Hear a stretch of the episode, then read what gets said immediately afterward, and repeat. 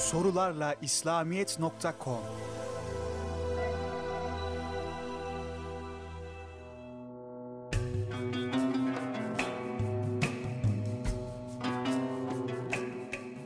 Ramazan-ı Şerif'in ayrı bir boyutu da itikaftır. Allah'a yaklaşmak, masivadan uzaklaşmak niyetiyle kişinin kendisini bir mescide hapsetmesi, o mescitten gaye-i aksaya yürümesi, ayağındaki prangaları kırmasıdır.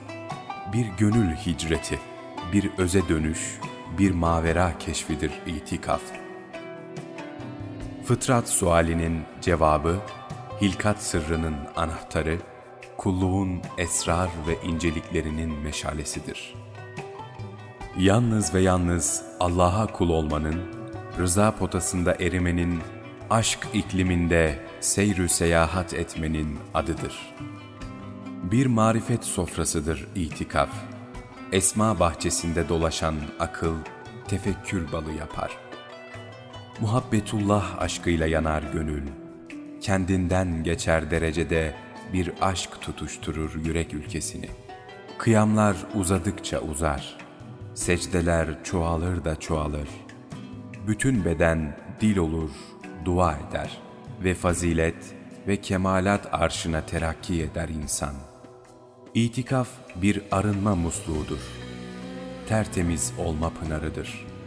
Gaflet, günah adına ne varsa cümlesinden kurtulup Allah'a firar etmektir. Yıl boyunca aldığımız yaraları tedavi etmek, hastalıklarımızın şifasını bulmak, hatta kendimizi bulmak demektir.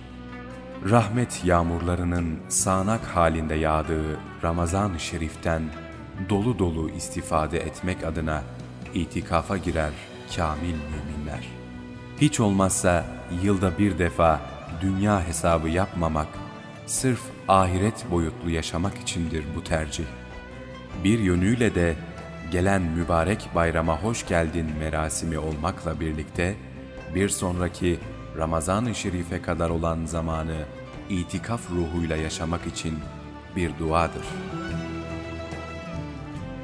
Rehberi mutlak olan Peygamberimiz aleyhissalatu vesselam, hicretten sonra her sene mutlaka itikaf yapmış, yapamadıklarını kaza etmişlerdir. Dolayısıyla bu durum itikafın kuvvetli sünnet olduğunu ortaya koymaktadır.